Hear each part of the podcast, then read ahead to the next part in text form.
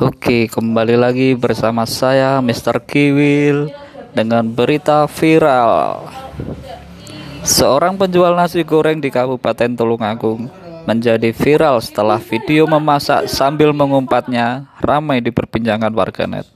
Penjual nasi goreng bernama Saipul, warga Kelurahan Kampung Dalem, Kecamatan Tulungagung ini banyak dicari oleh warganet, terutama para YouTuber.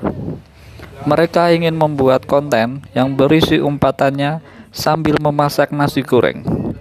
Bahkan rombongan Crazy Rich Surabaya juga mendatangi lokasi jualannya yang terletak di Jalan Ahmad Yani Timur, Tulungagung.